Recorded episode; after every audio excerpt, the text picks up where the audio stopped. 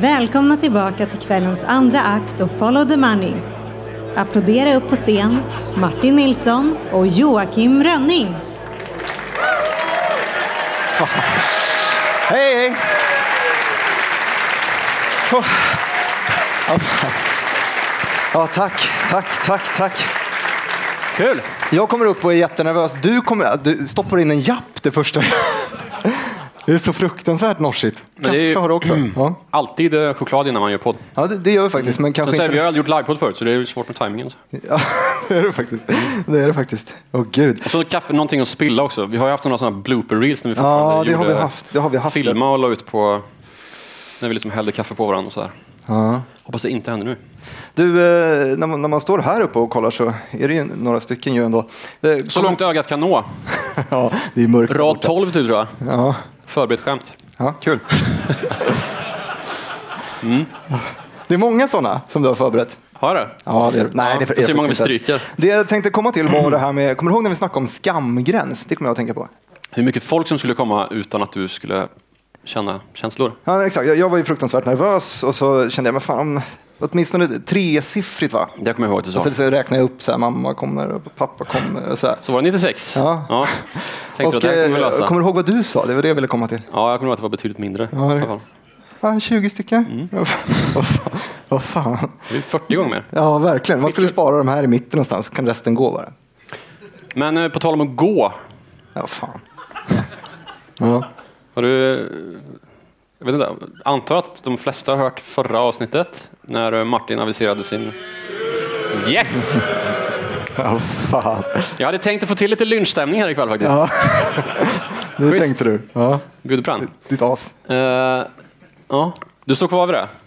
Eh, Att jag. Eller Handelsbankens compliance-avdelning står kvar vid det? Det kan inte jag kommentera. Eh. Mm. Nej, men det är ju såklart jäkligt, eh, jäkligt vemodigt. Vi har gjort det här sedan 2019, eh, Follow the Money.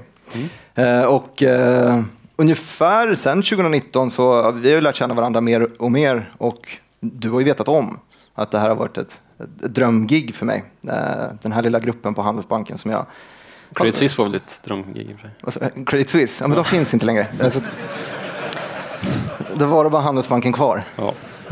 Trist. Ja, Men ja, då ska du sitta där på, i Kungs, vid Kungsträdgården och titta på slottet. ja, Rita skittråkiga grafer och ja. inte göra såna här grejer. Det är fint det där. Fersenska palatset heter det. Ja. Mm. Handelsbankens byggnad. Den färsen. Är det? Ja, Axel, von Fersen. ja. Ja, exakt. Det är sjukt att du kan sånt där. Ja. Du, eh, ska vi, ska, vi ska göra podd. Vi ska inte någon stand-up vi håller på med här. Det är konstigt. Jag vet inte vad det här är, för det är ju inte stand för det brukar ju vara en. Men, ja. Två män som pratar. ja, det har vi sett förr. Men ehm, ja, vi har ju gjort lite gallup då. Vad vill folk prata om? Eller ja. Du har frågat runt lite. vad folk vill prata om utifrån att de har fått lära sig någonting. Och då pratas det väldigt mycket om kronfall, kronras. Ja, har du gjort.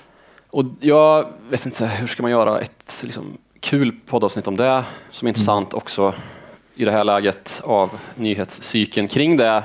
Typ omöjligt tänker jag. Ja. När man tröskar det i liksom, Lilla Aktuellt. Mm, tänkte säga det, fruktansvärt om, omtalat. Ja, och alla vet vad det handlar om, typ. Även om man kanske ibland vet fel. Ja, ja, exakt. Så kan det gå ibland. Men ehm, så, så, så pratade vet du, ehm, Gunnar och Jakob om att de skulle prata om pengar. Ja. Då är det ju skitbra om vi börjar med att prata om det lite större liksom, valutaspelet och hegemoni och dollarmakt och så här. Mm. Reder ut det ordentligt. All- Alldeles toppen. Och sen så kan vi liksom säga något om kronan på slutet. Ja, men ska, vi, vi- ska vi rulla igång intro kanske? Det kan vi göra. Ja. oj, oj, oj.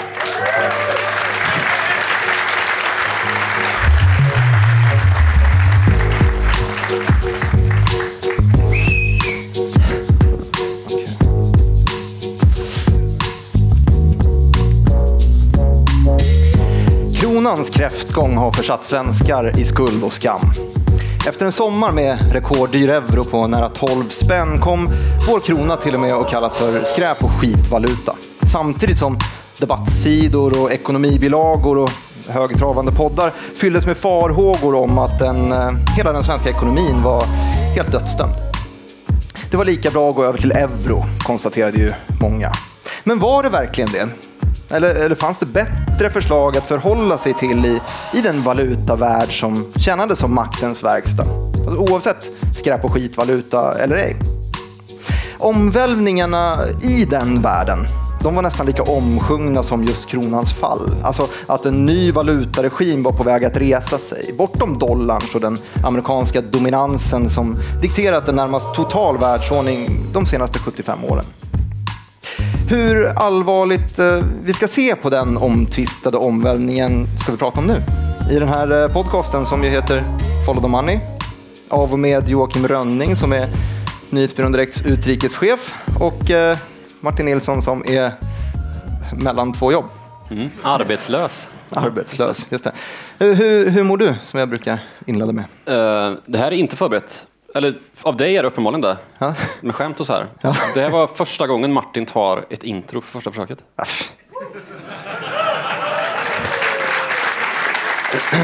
Det är ju chockerande faktiskt. Ja. Fullkomligt roastad blir jag. För det, ja, det brukar det också bli. Men eh, det är ju en sån här grej som Martin brukar inleda med att så här, eh, han sa någon gång så här, typ avsnitt 19 kanske. Uh -huh. Nu tar jag första försöket. Uh -huh. Och så börjar jag käka choklad och hämta kaffe och -huh. så tar det åtta gånger. Det är ungefär så lång tid det tar för dig att liksom komma in i din energi också. På något sätt. Jappen kommer in. Ja, alltså det är, ja. verkligen. Ja, så kan det vara. Mm, men nu satt den. Ja, skitbra att du liksom börjar uh, Ska vi dyka repa ner i... och engagera dig så här. Ska vi dyka ner i, i kronan? Det kan vi göra. Ja. Kronan ska vi inte gräva ner oss i Nej, just det. till att börja med. Utan vi tar skit och skräpvalutorna sen. Det tar vi sist. Och så tar vi det stora liksom, till att börja med. För det mm. finns ju någonting man alltid relativiserar kronan mot ju. Just det. Såklart. De stora valutorna. Som ju är de som räknas egentligen. Mm. Då pratar man ju dollar. dollar. Ja. Ja. Och euro ibland. Ja. Vi pratade om euron här i intro till exempel. Någon som varit utomlands i sommar? Köpt något? Aktivera publiken, är det du gör? Ja, Kul. det ska man göra. Men ehm, ja, relativa motparter, primärt dollarn, för att dollarn är världsvalutan. Mm, man brukar ju prata om det, att USA har ja. världshegemonin. Liksom. Precis, och med världsvalutamakten så följer ju makten över hela världen egentligen. Mm. Att man har liksom regelboken och sitter på den och så kan man skriva den och så får alla andra hänga med Just om det. de vill. Vill de inte det så blir det jobbigt för dem. Mm. Um, och um, Finessen är ju att man har ett valutasystem som, eh, som baseras på att man har någonting som smörjer systemet och det är ju dollarn. Mm. Man gör mest affärer där. Men hur, hur, hur, har vi det med, med dollarn då egentligen? Om vi verkligen vill börja där. Eh, jag tycker det pratas evinnerligt mycket om att dollarns välde är på väg slut. Inte mm. minst nu i introt som jag framförde. Mm. Ja, och det, jag vet inte, det har blivit lite en subkultur att förklara dollarn som död, att hegemonin är död. Nu är det någon annans tur. Bitcoin. Bitcoin. Ja. Ja. Hur går det med det egentligen? Sådär. Sådär. Du brukar göra det. Uh, men det, det, har ju spetsats till nu med först handelskrig med Kina, världens mm. näst största ekonomi.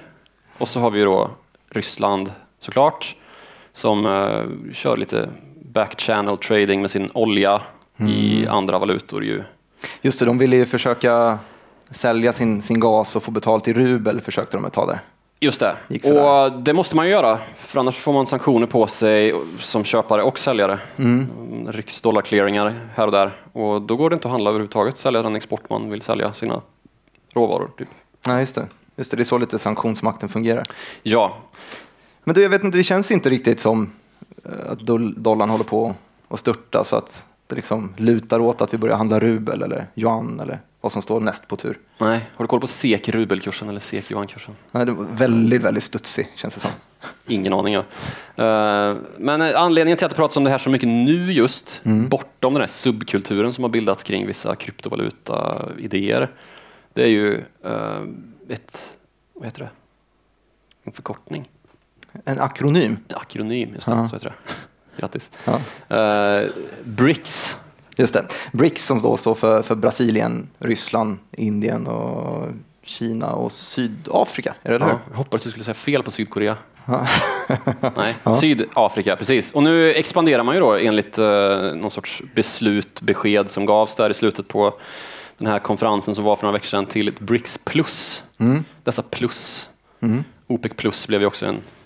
Man tröttnar bara på akronymer uppenbarligen. Jaha. Nu orkar vi inte ha några fler bokstäver. Men det blir väl för mycket? Liksom. Ja, Hur många nya länder var det som kom med? jag vet inte, men det var ju Exakt. sju kanske. Ja. Eh, och eh, ja, då ska man då kunna bädda för, och ju, mer, ju fler länder som kommer med här, ja, men shit, då kan vi ju starta en valuta och så bara kör vi över dollarn till slut. Just det, för det är det det, det snackas om Ja, vad gäller BRICS. Valda ska- delar av BRICS pratas det om det här. Andra delar inte alls.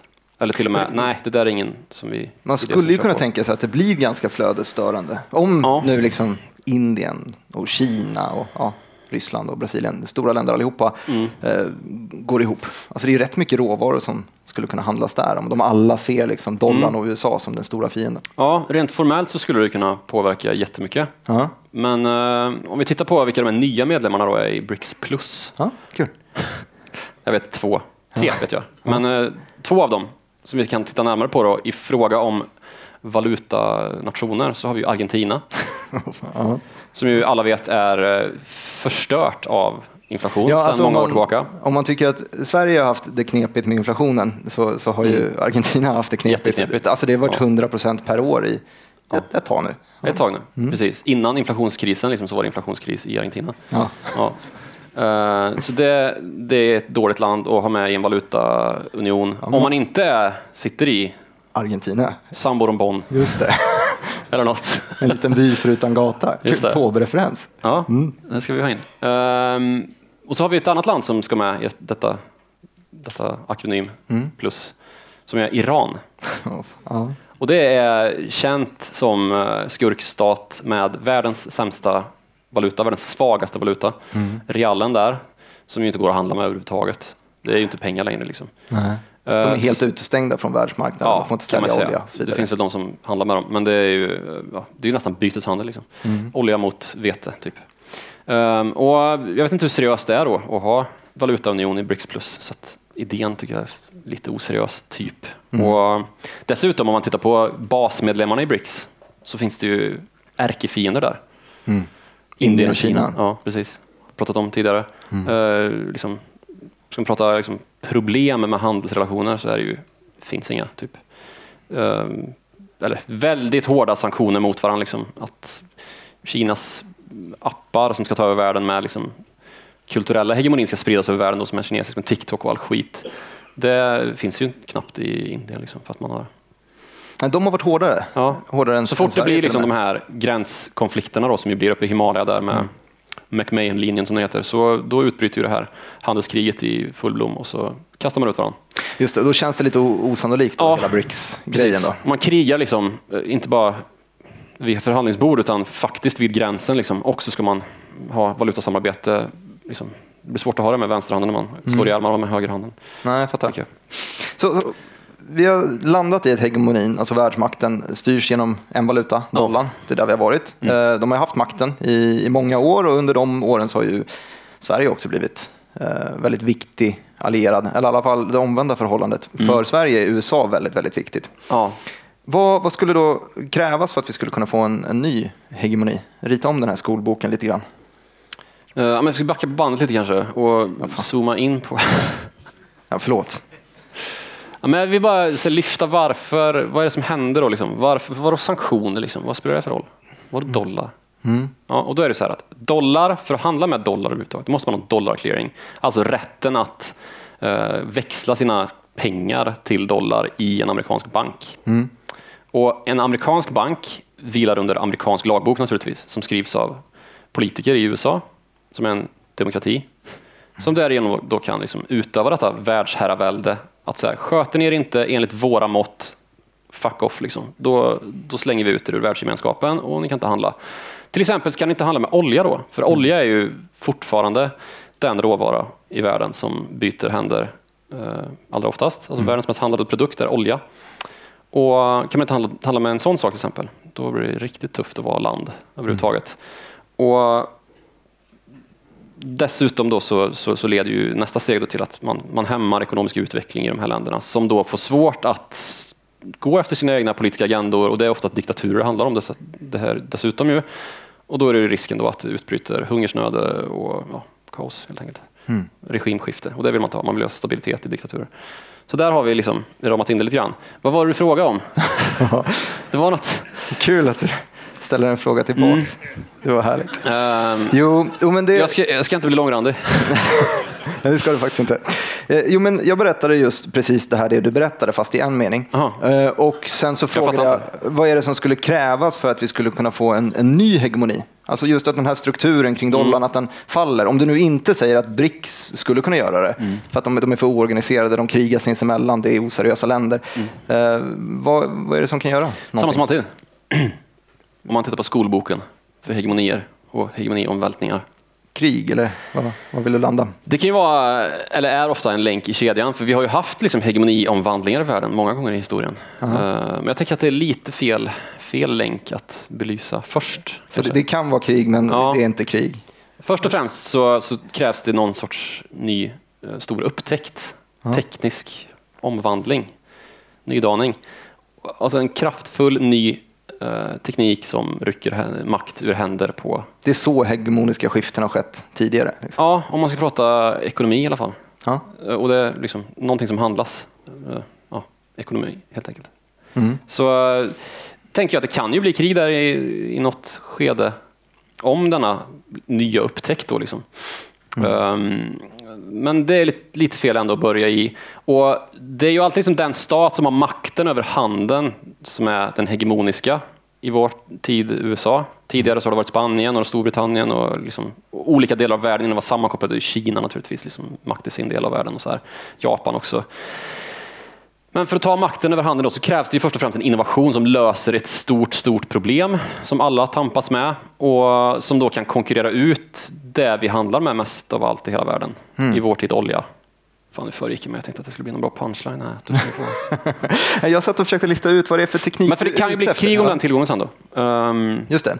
När du snackade om, eh, om hegemoniska skiften och att det kan Ja. vara krig så kände jag att så här, ja, men okej, en ny teknisk utveckling, eh, det skulle kunna bli krig.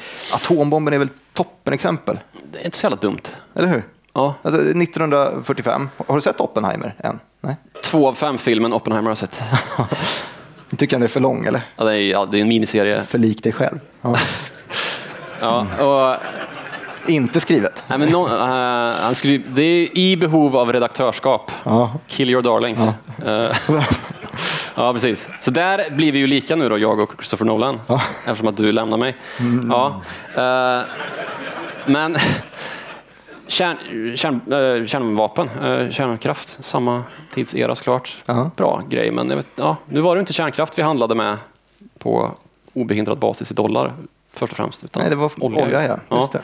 Precis. Så det stämmer ju i viss mån. Liksom, atombomben var en amerikansk uppfinning som avslutade andra världskriget. Ehm, så det har med krig att göra. Men oljan är ju det som har spelat svinstor roll för maktdominansen därefter. Så det blir lite snett då. Och jag tänker att det finns enklare och bättre exempel för att liksom belysa det här utifrån en liksom infallsvinkel som, som gör att vi anknyter bättre till det vi liksom ska komma fram till och som skulle kunna skapa liksom en hegemonisk skifte idag. Men det, hur, hur långt tillbaka ska vi gå då i historien för att hitta det här? Eh, jag har suttit och skissat här på att vi ska gå tillbaka till nordiska bronsåldern. När är det? 2500 år sedan Jaha. tog den slut. Ja. Ehm, och det, ja, det linjerar bättre med poängen här. Vad, vad vet vi om, eh, om hegemonin på, på den tiden?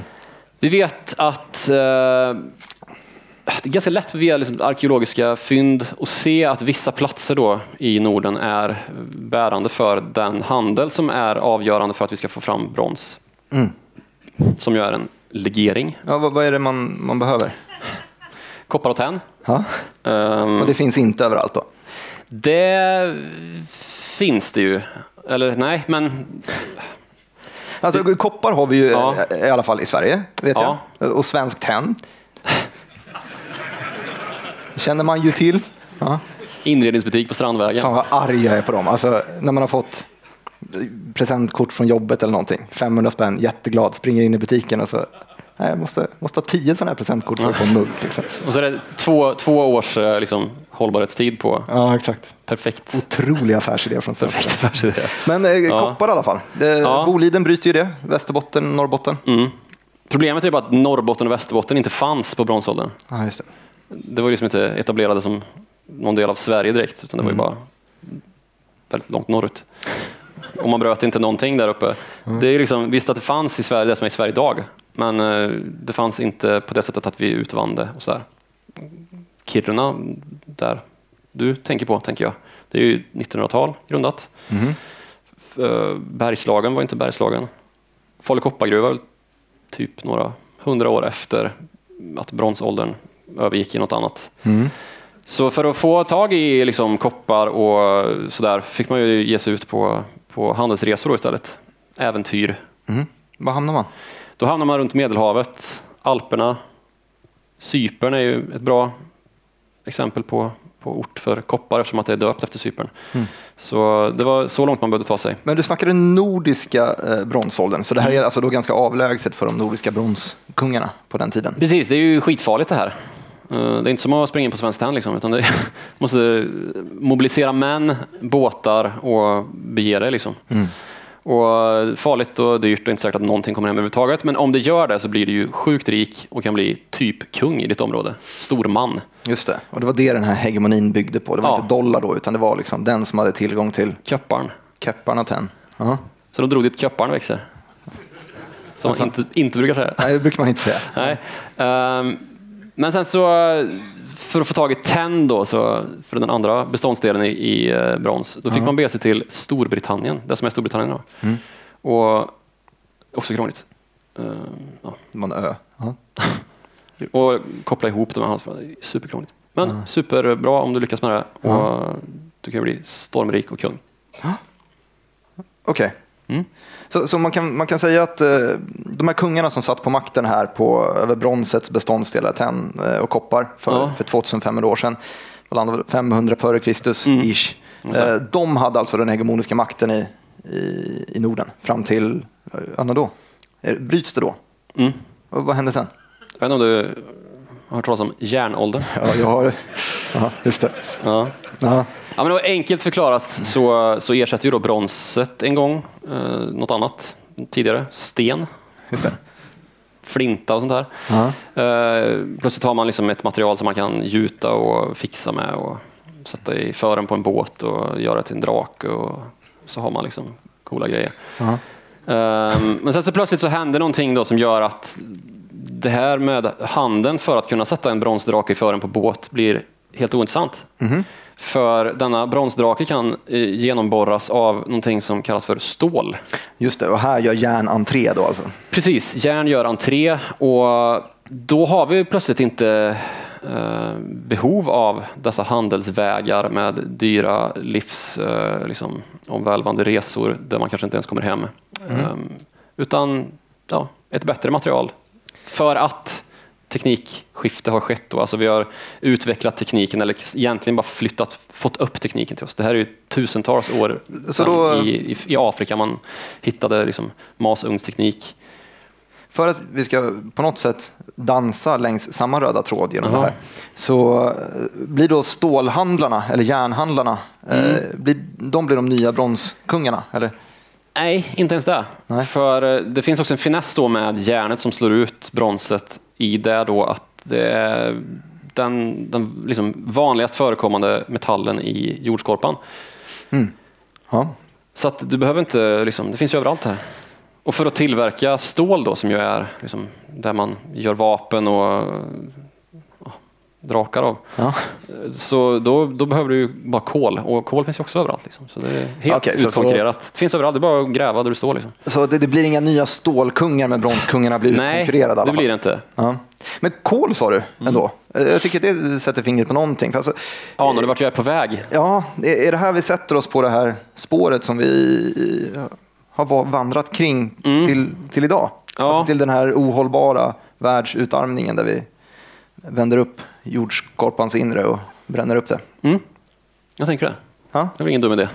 Att liksom, eh, det här hegemoni-exemplet då blir bättre än atombomb. Okej, så vi har, vi har pratat eh, hegemoniska exempel. Ska vi applicera den här idén på vad, vad som skulle kunna vara aktuellt idag? Då, då? Alltså I framtiden så väntar ju någon form av hegemoniförändring.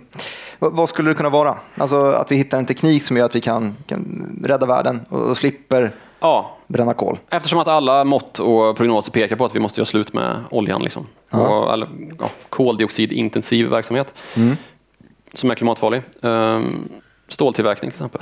Ja. Eh, som ju fortfarande görs med hjälp av kol och är en av de största klimatbovarna i världen. Mm.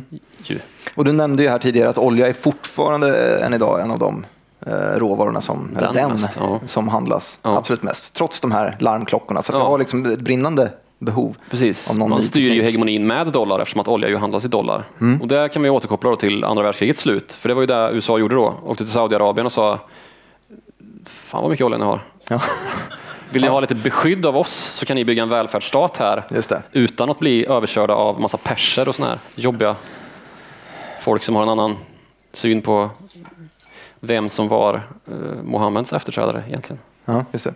Och, och Så lurade de dem var- och så sa de vi kan göra allt för er om ni bara säljer all olja i dollar. Och Och, så var där är- petrodollarn upprättad. Petrodollarn upprättad, ja. exakt. Eh, Och sen dess så sätts ju oljepriset ja, nästan alltid i, i dollar och det är en, vana som visat sig ganska svår att bryta. också. Vanor överlag är ju det. Och så en viktig fråga att ställa sig då blir vad, vad behöver vi hitta på för uppfinning för att slå ut oljan? Mm. Och um, ja, det, det tycker jag är frågeställningen i botten för det hegemoniska skiftet i framtiden. Om det nu kommer ett. Mm, just det. Eh, och, det enda som kommer i närheten av någonting här eh, skulle väl kunna vara vätgas, eller? Ja, Eller jag tänker i alla fall att de, det ska ju in precis överallt Mm. om man eh, pratar med de frälsta idag i alla fall. Ja. Vi snackar i, i båtmotorer och i som bilmotorer. bromsdrake i fören. Som bromsdrake Får man för ha har vätgasen nu? Lite, Eller? lite ånga bara, eller vadå? Ja. Och i ståltillverkningen inte minst. Det, det. det. är ju ett seriöst projekt Där med går vi i bräschen. H2 Green Steel och Ja. hybridprojektet till Precis. exempel. Det är Ja. skitbra där, att man har ambitioner. Ja. Och det är ju en lagringsteknik som har potential. Lagringsteknik. Mm. Det är in- inte liksom det är inte kraftgenerering det här egentligen. Det är ju batterier fast i flytande form. Och eh, du behöver alltså grön energiproduktion för att tillverka vätgas i den här jobbiga elektrolysprocessen som ju kräver skitmycket ström som då måste vara från vind och solkraft typ. Mm. För att det ska, ja, va- vattenkraft är ju planen där uppe då. Men det finns ju liksom ingen riktig storskalig övertalning som jag tycker att jag är så- blivit övertalad av i alla fall. Så vad är det som... Som, som gör att man, att, att man skulle få tillräckligt mycket vätgas för att göra de här gigantiska Ja, stålprojekten jag förstår gröna. precis liksom. var du vill, vill landa. Du, du tycker vätgas är, är skit. Mm. Eh, så, så vad är det som krävs istället då? Alltså, du vill ha ett ämne eller någon form av Ja, energitillförare precis. som är bättre än oljan och som det handlas mer med och i en annan valuta. Då har Ja. vi någon form av potential till hegemoniskt skifte. Och det här är det skitjobbiga läget man hamnar i i sådana här diskussioner där det liksom landar i, ja men fan, kan vi inte bara en evighetsmaskin? Ja. Hur bra som helst. Ehm, för det är ju den här liksom, energitillföraren som är oändlig i princip. Eller en evighetsmaskin är ju det per definition. Men vi vill komma så nära det som möjligt då uppenbarligen. Ja. Och det är typ det som skulle krävas för att vi skulle få en omvälvning av eh, den nuvarande världsordningen. Du, du pratar fortfarande i, i ludd tycker jag. Vad, vad är det för, om du skulle specificera evighetsmaskinen, vad, vad tänker du på då? Jag fantiserar i ludd för att jag fantiserar i ludd faktiskt. Det här är ju liksom eh, saker som inte går att ta på än. Ja. Men det kom ju en väldigt viral och uppmärksammad grej här under sommaren som hade att göra med Mm, jag tänkte på eh, det. supraledare Ja. som Eh, sköts ner ganska snabbt. Så vet, Det gjorde men vi ska det. prata om det. Jag såg ändå. rubriker, det hette LK99 och det ska Precis. vara ett, ett material som ja, men skulle bana väg Ja. mot någon form av evighetsmaskin, Ja. då, tycker du?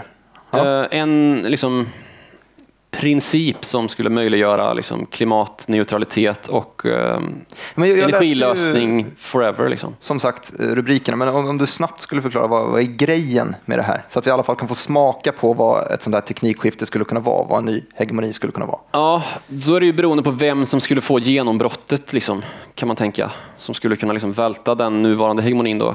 Aha. Och där har vi också ett problem. För det verkar ju inte som att det skulle vara Kina direkt. Men eh, det skulle kunna gå om det var det. Och det är typ där, på den nivån vi måste lägga oss för att Men vad, vad, vad skulle det här LK99-materialet möjliggöra ens? Ehm, alltså det är ju ett material som, som skulle möjliggöra supraledare. Ehm, LK99 då, Ja. enligt de här sydkoreanska forskarna. Ja. Och supraledare är resistansfri ström. Just det. Och den slipper liksom blöda ut i kopparledningar från norra Sverige ner till södra Sverige. Vi tappar jätteviktiga samtalsämnen och gnallar på vid våra middagsbord om det skulle hända. det. Det, det skulle ju rita om knakkartan på något sätt. Ändå. Ja. Elområde 3, fan vad jobbigt imorgon nu. Ja.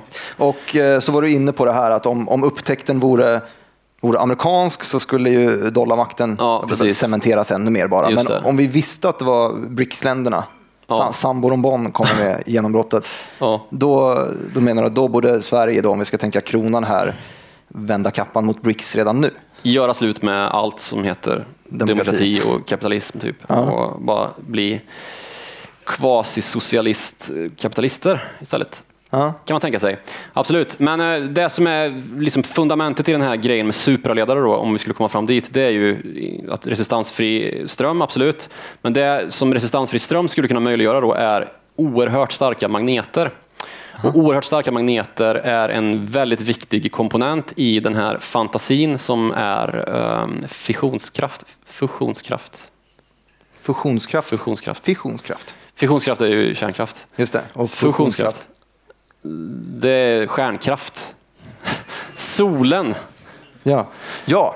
ja just det. Eh, Den grejen det som man har pratat om i hundra år. Och det har hela tiden varit 30 år från förverkligande. Just det.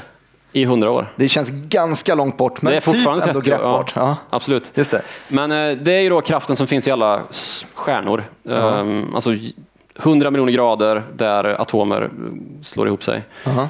Och eh, problemet med det här, den här drömska energiresursen det är ju att allting smälter om det hamnar på solens yta. Och det blir ju skitsvårt att liksom, vad ska man lägga det här kraftverket, kraftelementet? Ah, där? okay, så man, teoretiskt så kan man skapa den här varma bollen, Ja, energin. Men ja, den, men det blir ett varmt jävla helvete som smälter ner till jordens inre bara. ja, just det. Så och då för att, för att liksom hålla den här eh, jäveln i rummet då liksom, och kunna sätta liksom kraftverket runt och liksom bygga ett kraftverk Mm. så behöver du de här enormt starka magneterna som supraledarmaterial skulle kunna möjliggöra. Då. Där är vi det. någonstans. Okej. Men det här supraledarmaterialet som Sydkorea kom med var ju, det är ju redan debunked. Liksom. Det fanns ju inte. Så att, eh, jag vet inte varför vi pratar om det här överhuvudtaget. ja, men vi, vi har inte stabila, stabila liksom, resurser för att, för att lösa det här än. Nej. Men det skulle vara fett. Ja, men verkligen. Det, Ja. Då blir det ju liksom... eh, Ja, men, eh, det man skulle prata om då blir väl egentligen den, vem det är som når den här upptäckten. Mm. Vem som når supraledar-genombrottet. Alltså börjar då sälja, skörda först och sälja Ja. oändlig energi och, och kan då konkurrera ut oljan. Ja. Den som är snabbast på den pucken kan då bestämma vilken valuta som det ska handlas i potentiellt. Ja, men det, det är ju också science fiction det här. Liksom. Och jag vet inte, det blir svårt att prata om vad som skulle hända, men det vore nog dåligt för Sveriges, eh, Sveriges demokrati och alla andra demokratier i världen om det inte vore en demokrati som uppfann det. Ehm, ja. Men, men, Men, det är men, inte det, så, det finns jättestora projekt för det här, för att det är en sån global utmaning och liksom, om vi löser det här, då, då jävlar. Har vi, då har vi en helt annan spelplan. Så det finns ju de här megaprojekten där Kina och västländerna eh, samarbetar. Liksom. Det är få sådana projekt som faktiskt rullar fortfarande, men det är ett sånt. Men du, säger att det är science fiction, så det är inte så mycket som tyder på att vi, vi är nära genombrott. Det är fortfarande 30 år. Nej, det verkar väl inte så, eh, typ. Men ja, vet inte. Det, det har ju gjorts en del framsteg på sistone med eh, fusionskraften. Och först och främst så, så, så är det ju i USA det här ligger då, där man satsar på det här och når framsteg. Men det är liksom vetenskapens heliga graal fortfarande och det beskrivs liksom som att här, om vi kommer fram till det här, då har vi liksom uppfinnit, det är liksom i klass med när människan hittade ett sätt att göra eld eller uppfann hjulet. Ja. Och um, ja, Då kan man ju absolut tänka sig att det vore ju ett James Bond-scenario som inte duga om någon annan än demokratierna kom på det. James Bond-scenario. Någon har ett vapen som kan förstöra världen Ja, just det. genom att pressa... Ja, ja, just det. Jag fattar. Du, eh, om vi ska närma oss nutid då, istället, Mm. i den här tidslinjen som, som gått från minus, minus 2500 år till, till X in i framtiden. Mm. Är, är allt snack om att dollarväldet är på väg att falla eh, skitsnack då? Det låter som att jag tror det, va? Ja, verkligen. Det gör jag också. Ehm, Så Sverige behöver inte bli medlem i, i BRICS plus? nej, för det är inte de som är innovatörerna i världen. Nej. Och det största ekonomin där är Kina och de är ju innovation och de är ju duplicerarna om vi är innovatörerna. Liksom. De bygger det vi har hittat på, snor det, men då är det redan daterat och hittat, då har vi hittat på något nytt som är smartare och bättre. och sådär. Ja. Så de ligger hela tiden lite grann på efterkälken. Och vad det pratas om liksom, att Kina är på väg ikapp, ja, men inte i välfärd. Liksom. De är på väg ikapp numerärt liksom, i, i sin ekonomi. Att, Om man skulle växla deras eh, totala liksom, BNP mot eh, USAs så är de snart ikapp. Men vad det kommer till välstånd så är de ju väldigt många fler också. Så att välståndet är ju kraftigt mycket lägre. Du, eh, om jag får kasta lite statistik i dig istället, Ja. på dig istället då. Eh, om dollarn, påståenden som kanske skulle kunna styrka att dollarhegemonin i alla fall är lite skadad. Mm. Eh, Det här med att andelen av eh, världens officiella valutareserver, känner du igen den här statistiken? Ja. Ja. Ja. Den här är ju tröskad. Ja, det är många som Lilla. Aktuellt. Det är därför jag, ja. Nej, det är. Eh, andelen av världens officiella valutareserver de har sjunkit till, till 20-årslägsta. Den ligger på 50-58 procent, något sånt där, 58, under ja. sista kvartalet 2022. Ja. Det är faktiskt ännu mer, äh, lägre, ännu mindre än så om man växelkursjusterar det där.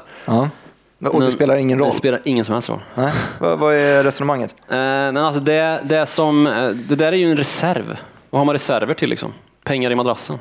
För att vänta just på det. bättre tider. Så du, du Sämre tänker tider, att, eh, att det här med valutareserver, att folk helt enkelt har passat på nu och, sålt, sålt toppen? Det är superrimligt. Dollarn är svindyr, vi har inga pengar, vad gör vi? Ja, Ja, vi vi- får vi växla det vi har. Liksom. Växla våra dollar Ja. till vår valuta. Ja, det, det är väl det man har sparkonto till. Liksom. Ja. Och, ja, det ligger verkligen i tiden och um, jag tror att det här läget med liksom vikande dollarställning i världens valutareserv eh, ackumulation är liksom den dominerar ju fortfarande global handel och det är det som är det viktiga. Alltså pengar i omsättning. Ja, just det. Vad är det för pengar som är i omsättning? 90 Vad gör man, vad gör man avslut i? Vad, vad handlar man i? Liksom? 90 procent av alla transaktioner sker i dollar. Ja, och det gäller fortfarande Just det. trots att liksom, den ryska oljehandeln eh, börjat ske i lite obskyra kontrakt. Liksom. Mm.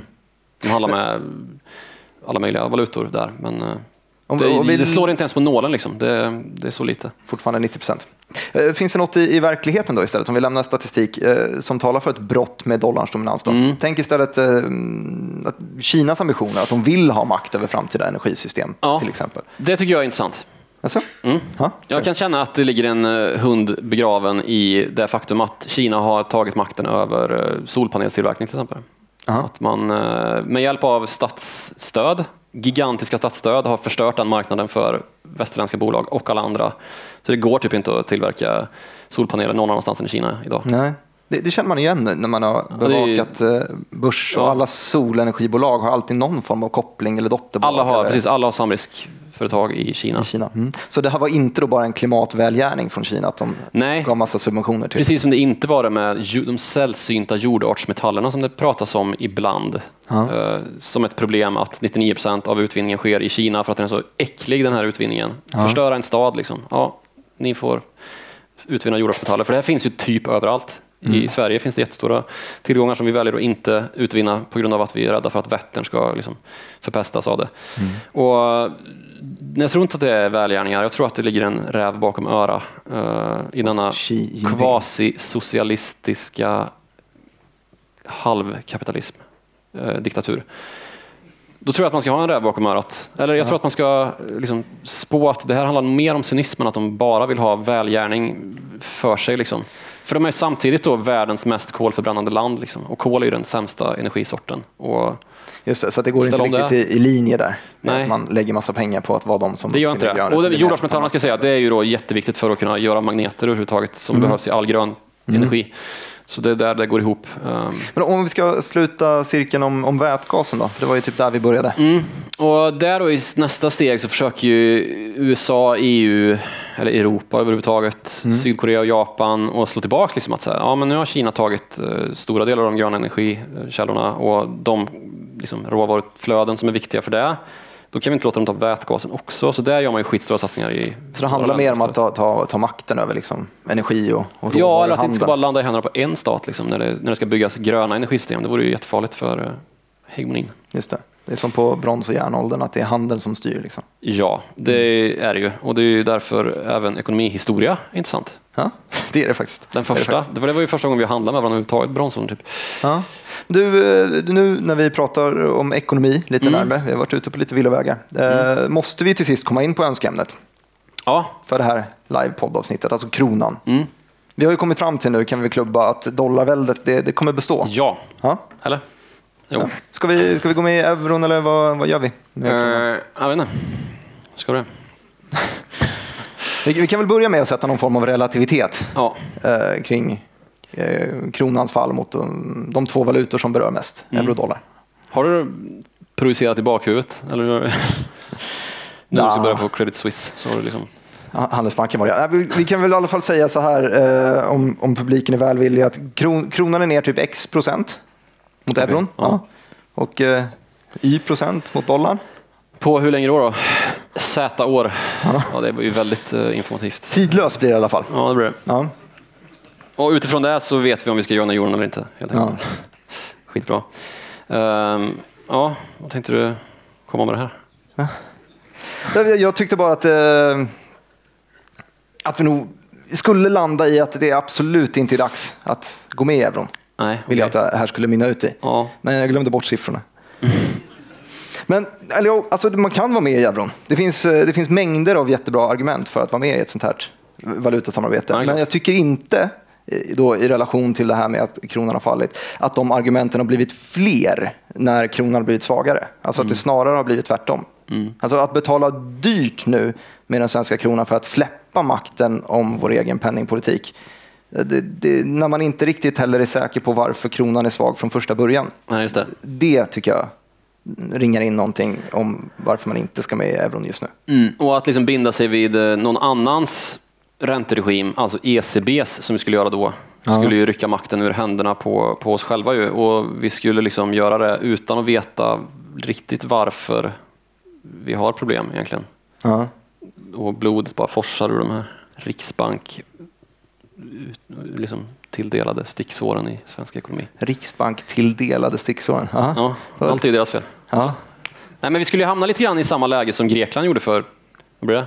11 år sedan, 2012, Ja, med liksom eurokris med gasen i botten och de kan inte göra ett skit åt sin egen eh, men så är det väl när man är ett mycket mindre land i hela det här, i ett stort valutasamarbete. Eh, Grekland tycker jag är ett bra exempel. För de kunde ju inte göra någonting just penningpolitiskt åt sin egen kris, utan de fick bara förlita sig på att det, vi gör det som är bäst för den stora massan. Vi gör alltså det som är bäst för Tyskarna. tyskarna. Eh, om vi går med också, vill jag lägga till, alltså, då, då faller ju också det här favoritargumentet som man, ja, men man läser det i, i Dagens Industri en gång i veckan. Krondopingen. Ja, exakt. Nej, men det är bra att, bra att kronan faller. Det är jäkligt bra för våra exportbolag. Och vi är Aningslöst citat alltså. Jag tycker som också det. sig med. Tycker det. Sådana som du som slänger sig med det. Eh, Från och med imorgon då. När du börjar Från och med imorgon. Kommer du sitta där i D i TV och säga det är inte så jävla dåligt bara alltså. Ja. Igen. Kul för dig. ja, och du kommer sitta på mottagarsidan, Ja. skriva små artiklar Ja. och tänka Om vad på du säger. Ja. Fan vilket jävla mardröm. Ja, och inte ens få liksom hugga emot. Nej, Nej. det går inte. Nej. Det är precis som den här eh, ganska medvetna handlingsförlamningen som Sverige skulle hamna i om vi skulle gå med i euron. Mm. Att det skulle bli ganska kostsamt. Och innan man kommer dit, innan man går in i ett eurosamarbete, så finns det en punkt som, eh, som är viktig och det är att lista ut varför kronan är låg från första början. Mm. Alltså man kan inte gå in i ett samarbete för att kronan är låg. Nej, precis. Och sen så Vad beror den här krisen på egentligen? Ja, exakt. Ja, ska vi kolla lite på det då? Vad de rapporterar om på Lilla Aktuellt? Ja. Typ. Ja. Eh, Det de brukar rapportera om på Lilla Aktuellt och på alla andra ställen också, det är ju just att det har varit en, eh, att det är räntan mycket Mm. till stor del som styr kronan. Och det har varit en ganska ojämn räntehöjningstakt. Vi snackade om paritet i början av det här livepodd-avsnittet. Att Sek USD. SEK-USD, ja, det är alltså det man skriver in i terminalen när man får in Dollar, SEK. dollar SEK, eh, kursen. Eh, att räntan höjdes väldigt mycket snabbare i USA Mm. än vad den gjorde i Sverige. Eller väldigt mycket tidigare. Man brukar säga att de ligger sex månader tidigare. Ehm, och eh, där kom väl första tydligaste och det vanligaste svaret på varför kronan har fallit så pass mycket mot de övriga valutorna, mot dollarn framförallt. Ja, att det inte spelar någon roll för en liten, stabil, förvisso ekonomi, eh, vad man gör. Nej, alltså om man får mer betalt för sina pengar genom att sätta dem i, i dollar, Stor, stabil ekonomi. ja, då gör man ju det. Ja, det blir kapitalflykt Mm. till eh, dollar och då blir det efterfrågebrist på kronan och värdet faller. Det är så Mm. det funkar i marknadsekonomi. Ja, Mm. det gör det väl. Gör det. Och Jag tycker att du, du sa någonting där, du sa stabil. Jag tycker att vi skulle kunna göra det till en segway in till nästa ämne också om varför kronan är svag. Och det är ju just det att vi ses nog inte som riktigt lika stabila som vi har gjort. Nej. Men kronkurs eh, beror ju såklart också på hur, hur välmående ekonomin är, hur välmående Sverige är. Och eh, Sverige har ju haft en, en eh, annalkande fastighetskris i, i hur länge som helst. Fan, den har varit på gång lika länge som Superledarna nästan. Ja, det har det verkligen varit. Ja. Och alltså den, än så länge så har den ju inte riktigt brakat lös än på sina håll på börsen kanske. Typ. Ja, precis. SBB som jag pratar om att jag ska sluta prata om. Ja, Ja. jag älskar det.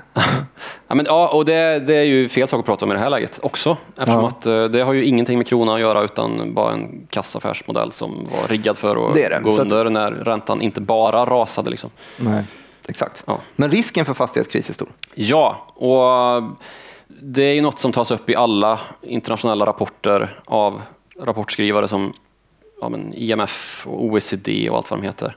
Att liksom vi har en kommande kommersiell fastighetskris i Sverige. Men också pratar man ju om bomarknaden.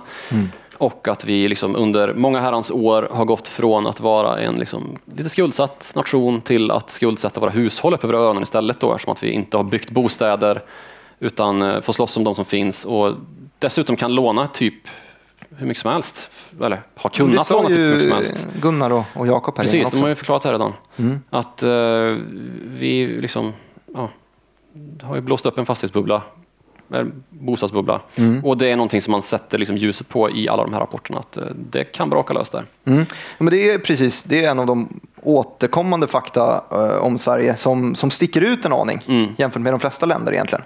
Ja, precis. Att vi, liksom, vi betalar så mycket boräntor när räntan plötsligt är fyrfaldigad nu och kanske Mm. liksom ska stiga ytterligare. Ja, då vart någonstans knäcker vi ekonomin med att inte konsumera längre. Liksom, Mm. frågan. Så den, den faktan som varför just IMF och OECD och, och andra stora rapporter säger att Sverige är ett riskland är just att skuldsättningen är så obalanserad. Mm. Den är tvärt emot vad det kan se ut i, i andra länder. Alltså i Sverige så är det hushållen som är skuldsatta medan staten knappt har någon statsskuld alls. Och allt Det Göran Perssons fel. Alltså, Nej, men eh, ja, precis. men det, det, det betyder helt enkelt att vi har världens typ mest skuldsatta befolkning Ja. men själva statsskulden är uppseendeväckande låg. Mm. Vilket i sig brukar vara enligt skolboken och teoriboken en väldigt positiv sak för en valuta. Alltså det betyder att Sverige som land, Sverige som ekonomi går inte under. Och det borde borga för en stark valuta. Men det, finns en, en teknisk sak här. Som gör att det här är för positivt menar du? Ja. Mm. Eh, Det är så att Sveriges lånebehov, eh, har jag suttit på kammaren och tänkt, eh, är så litet att utländska investerare de, de kan inte, eller bemödar sig inte, eller orkar inte göra en investering i, i svenska statsobligationer. Just det. En för liten marknad. För Ja, klen, det finns för få, Dålig liksom. likviditet. Det är typ som när AP-fonder inte handlar på... Liksom, anledningen till att AP-fonder inte handlar microcap-bolag. Typ. Ja, exakt. exakt. Alltså, mängden tillgängliga statsobligationer, det går ju till så när Sverige ska försöka låna upp pengar och spendera det någonstans, är att man eh, emitterar statsobligationer. Och mängden tillgängliga statsobligationer är eh, extremt låg. Vi har väldigt liten statsskuld och den verkar ju bara krympa hela tiden. Vi satsar liksom inga nya pengar. Och det här i sig då görs, gör det oinvesterbart. Det gör som när en stor AP-fond ska in på smålistorna på börsen och här är att det går liksom inte. Affärsidén kan se hur sund ut som helst men det går inte att köpa ett sånt där bolag för att vi, vi kommer aldrig kunna sälja det sen i alla fall. Liksom Men rent formellt, varför kan man inte göra det då? Varför man inte kan köpa eller sälja? Mm. För att man flyttar nålen för mycket. Alltså först och främst får du lägga till arbetstiden att göra en due diligence, alltså den här undersökningen. Är det värt för oss att gå in i den här investeringen? Och där har du ju ganska många andra alternativ. Det finns andra länder än Sverige i världen. Eh, Och eh, sen så vill du ju kunna köpa rätt mängd för att det ska vara värt att lägga ner den här due diligencen innan och sen vill du kunna komma ut positionen utan att du påverkar marknadspriset. Det är det som likviditeten gör. Det ska hela tiden finnas mycket aktörer på den här Ja, men marknaden. hur har det blivit så här överhuvudtaget då? Att det är så låg likviditet? Visst att det Ja, är men jag land, tror att men den det är stora grejen är, det är Göran Persson. Nej, det är eh, stor faktiskt så att eh, men statsskulden har minskats över tiden. Mm. Den har, vi har liksom arbetat aktivt på att spara i, i ladorna och det är en positiv, en sund sak. Eh, men det gör ju att antalet, alltså likviditeten på den här lånemarknaden är, är låg. Liksom. Mm. Och sen så kan man prata om att eh, Riksbanken har också gjort det jäkligt illa. Mm. Alltså, när vi var nere på den här minusräntenivån som känns som ett minne blott eh, nu. Eh, vi låg på minus Där också. 0,5 Mm. och eh, ville egentligen att man skulle sänka räntan ännu mer. Men det var för mycket av ett experiment att ha minusränta, så man stannade där vid minus 0,5 och så försökte man stimulera på något annat sätt. För att sänka räntan är att stimulera ekonomin. Och då gjorde Riksbanken så att man tryckte upp deg och så köpte man statsobligationer på den här lånemarknaden som det redan var, det fanns ganska lite där på marknaden. Men eh, Riksbanken gjorde så. Och eh, man kan ju tro att ja, men det här kanske inte påverkar så mycket, men de köpte för så pass mycket att de vid ett tillfälle ägde hälften. Alltså de satt på hälften av alla statsobligationer på marknaden. Idag är det 40 procent. De har liksom tagit halva och då finns det ju inte så mycket kvar för resten av världen att handla i här också, om det redan var lite till, till att börja med. Precis, låg likviditet är ju sämsta möjliga förutsättning för att få en uh, utländsk investerare till en marknad. Ja. Uh, du kan inte sälja liksom, kanske där du har uh, köpt. Om, Nej. om du bestämmer sig för att "Ja, men jag tror att det finns bättre avkastningsmöjlighet där borta. Jag vill sälja nu och sticka dit. Jag kan inte för ingen som vill köpa dig. Det är ju sämst. Och det är, ja, det är sämst för att både behålla investerare och liksom få in investerare. Så det, ja. Du, du tycker att det är ett legitimt? Ja, kul. Eh, samtidigt så tycker jag att eh, när man har det här eh, så blir det som upplagt för ett politiskt omtag som skulle kunna stärka kronan. Okej. Faktiskt. Och som vi kanske skulle kunna använda för att spå vad är det som kommer hända med kronan framöver. då? Jo, ja, kul att det är du som håller på och frågar så jävla Ja. mycket nu. Då. Ja. Vi ska börja med det här nu. Ja. Eller? Om vi gör så här då. Kommer du ihåg vad, vad Stefan Ingves, alltså dåvarande riksbankschefen, vädjade till svenska politiker i början av 2022? Ja, det kommer jag verkligen ihåg. Ja.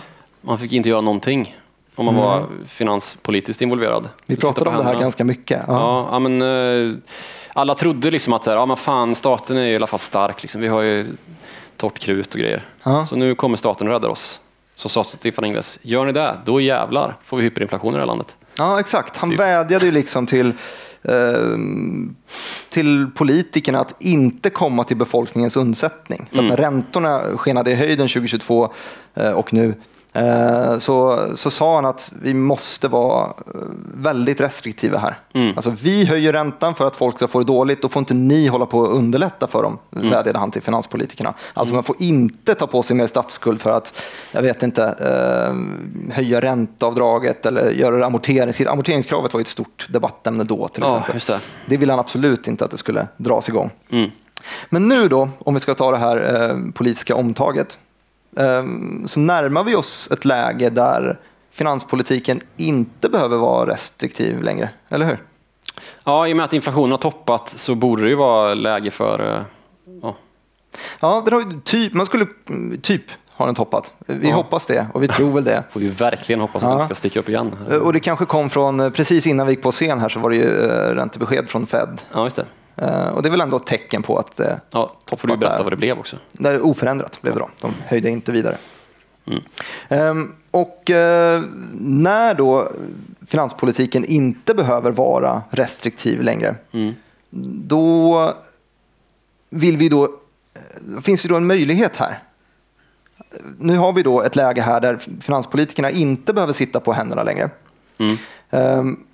Men eh, Riksbanken, de tror man ju då ska börja sänka igen ganska snart. Ja, eller ja. Det är väl så det brukar gå till. Precis, Alltså, rent logiskt så borde det ju vara så här, ja, inflationen har toppat, är på väg ner, nu är det snart dags att sänka då igen. Ja. Vi har liksom stramat åt tillräckligt länge uppenbarligen. Då, då har vi omtaget här istället då att istället för att sänka räntan omedelbart, istället för att Riksbanken sänker räntan så fort vi har möjlighet till och ger den här lättnaden till, till hushållen, så gör man inte det. Man låter den ligga kvar där, eller man kanske sänker lite, lite långsammare än vad folk tror. Och så stimulerar man från finanspolitikens håll istället. Man tar på sig ordentligt med, med statsskuld. Ehm, och eh, använder sig av den här expansiva finanspolitiken för att stimulera den vägen istället för att hålla på och sänka räntan. Och då tänker du att eh, då har vi räntan kvar högre än i vår omvärld Mm. och driver in en massa penningflöden i Sverige? För jag eller? sa ju att det var en ganska unik ställning som Sverige hade här med statsskulden just. Att vi har vår eh, belåning ligger på befolkningen, eh, inte hos staten. Mm. Så att vi är verkligen, eh, USA kan inte göra så här. Staten måste låna upp sig nu då menar du? Staten måste eh, låna upp sig.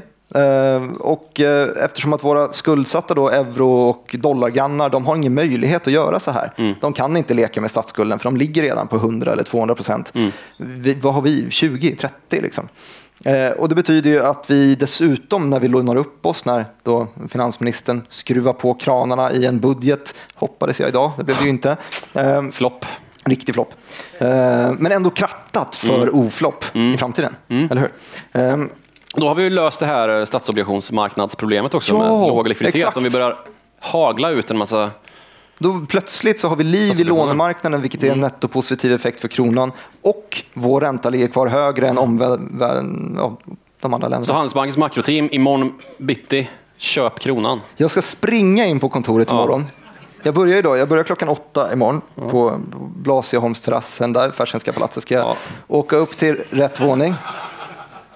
Eh, och så tänker jag mig att jag kommer in med, jag antar att jag har ett eget kontor, så här 40-50 kvadrat. Axels gamla rum. Axel, Axel från Fersens gamla rum. Ja. Marie Antoinettes killes rum. Ja.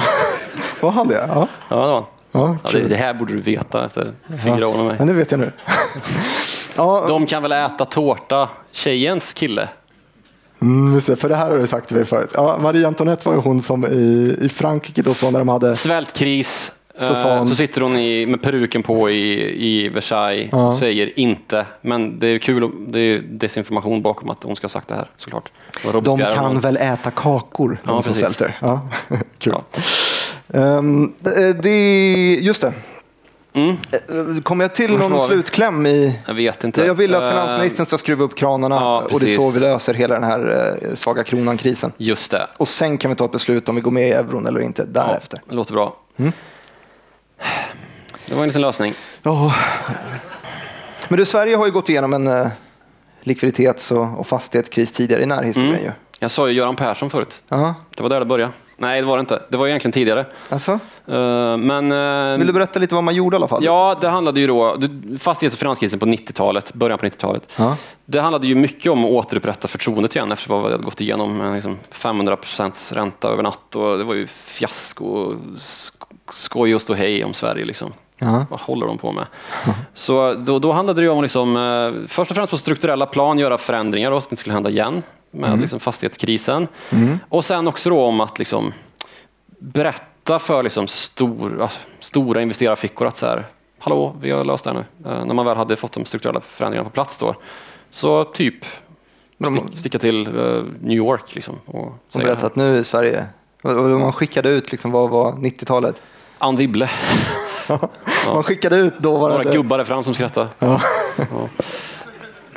eh, man skickade ut Ann Wibble för att sätta sig i något hörn på, på Wall. Street. Ja, på Wall Street. Ja, Ja. precis. Och säga Eh, att och säga något Sverige. Sverige är bra. För det- varenda en på Sverige har en årslön på banken. Det är var ju hennes devis, ja, att man Ja. skulle ha en årslön på banken om man var svensk. Mm. Det stämmer. Men det var inte hon. Det, det var ehm, några år senare, när man väl hade fått de här strukturella förändringarna på plats, då, som hennes efterträdare, Göran Persson, kossan Doris kille, åkte dit och gjorde precis det här. Ja. Och ehm, ehm, ja, charmade Så han var på, på skärmturné för... för Blackrock. Ja. Ja, okej. Mm. Men du, du, vad är det... Du sa att han var aningslös också. vad är det han har sagt? Det är ju det här, den som är satt i skuld är icke fri. Ja. Ja. Och eh, det är inte han som har sagt det heller, lika lite som det var Marie Antoinettes citat. Eh, han har ju snott det från Ernst Wigforss, Mm, kunde man sig Eh, fan på. Vär- andra världskrigsfinansministern. Men det, det var ju det här då med att vi skulle vara ofria om vi var satta i skuld. Mm. Och så flyttade han alla statens skulder rakt ner i munnen på alla hushållen. Och så fick vi sitta där fastbojade då antar jag. Fastbojade Göran Perssons fortfarande. Ja. Ja. exakt. Och Göran blev bankdirektör. Ja. Mät, mäter ut oss med höga boräntor. Ja. Ja. Gött. Dumma Göran. Men han var PR-konsult dessförinnan, så han Ja. lärde sig någonting om Wall Street. Man Men, och, och nu, nu är det någonting, eh, någonting som behöver göras då, tycker du? Ja. För att vi ska komma loss från Precis. Görans fångenskap. Är det Elisabeth Svantesson? Hon ska skickas iväg. ja, inte, men man borde kanske... Det finns ju en annan del av det här som inte är så formell, som är kortsiktig och som har med det här som vi brukar kalla sentiment att göra, alltså känslostämningar som Ja. kan styra finansflöden åt olika håll för dagen. typ. Just det. Eh, jag tycker sånt är ganska trist, i, för det har så lite att göra med det långa loppet. Liksom. Men nu finns det en massa problemställningar kring Sverige som man ju behöver kanske rätta till, Ja. såklart. Vad, vad tänker du på då? Eh, ja, men det vet väl alla, liksom, att det är koranbränningar och det är terrorstöd och det är NATO-nej från Turkiet och det är gängkrig. Ja, just det. Och du tänker då att eh, alla de här liksom, nyhetsartiklarna, för det här är ju även artiklar Ja, i, det det. i utländsk media, det skapar någon form av orolighet och kanske kan skada kronans Ja. förtroende också då menar Det du? kan det väl kanske göra om man skulle börja, liksom, om det skulle börja likna konsumentbojkotter och sånt här. Liksom. Just det. Sånt kan ju påverka. Ja. Det blir blankning av kronan. Liksom. Kolla Ja. vad dåligt det går för de där dårarna där borta i Norden. Men, men hur, mycket, hur mycket påverkar det? Inte så mycket, men det är svårt att säga hur lite, Ja. men det påverkar. Men, men det brukar ju, ju ändå bra pratas om sånt här, alltså om sentiment. Ja, och det, lite, det blir ju väldigt anekdotiskt allt det här. När det, Ja. ja. Hela podden varit. Ja. Ja. Men det är eh, känslostämningar liksom som kan driva på Ja, en rörelse. och det kan väl påverka via liksom hedgefonder i Orienten, Ja. Om man väljer Japan kanske.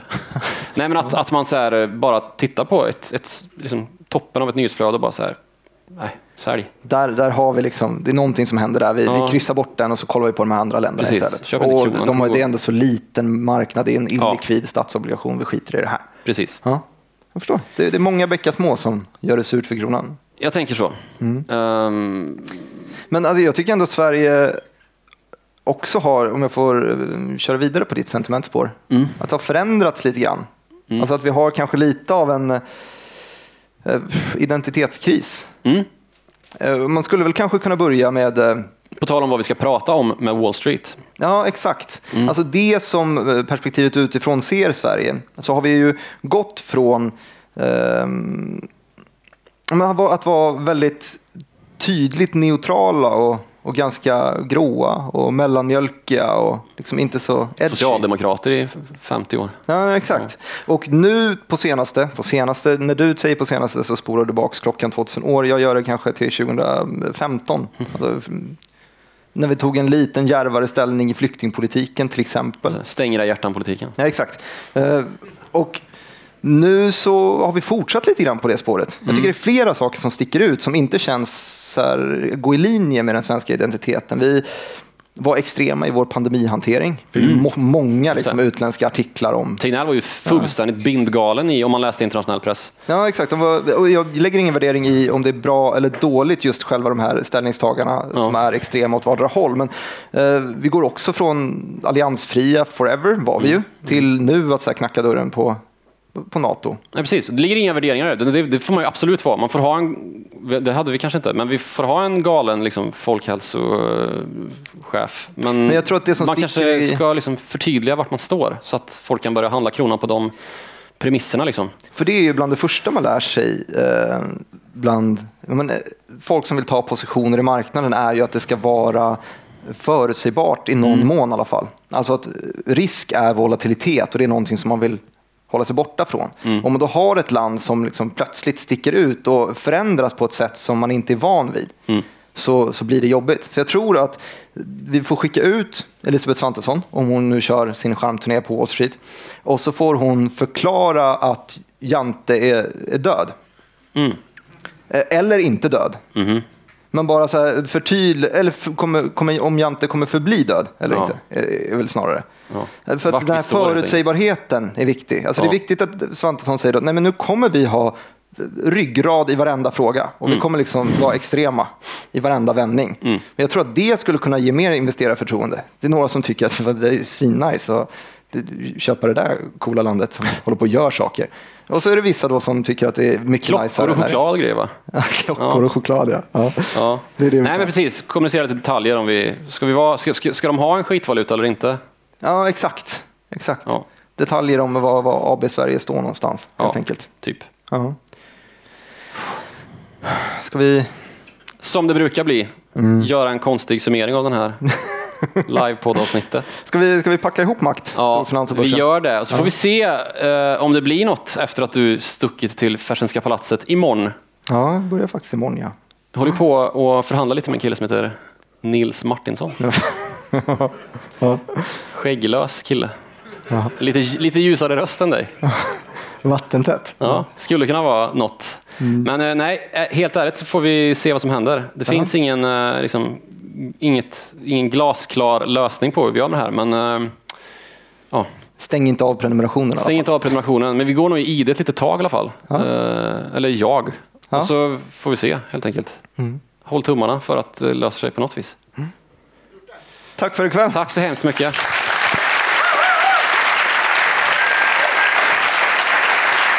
Oj.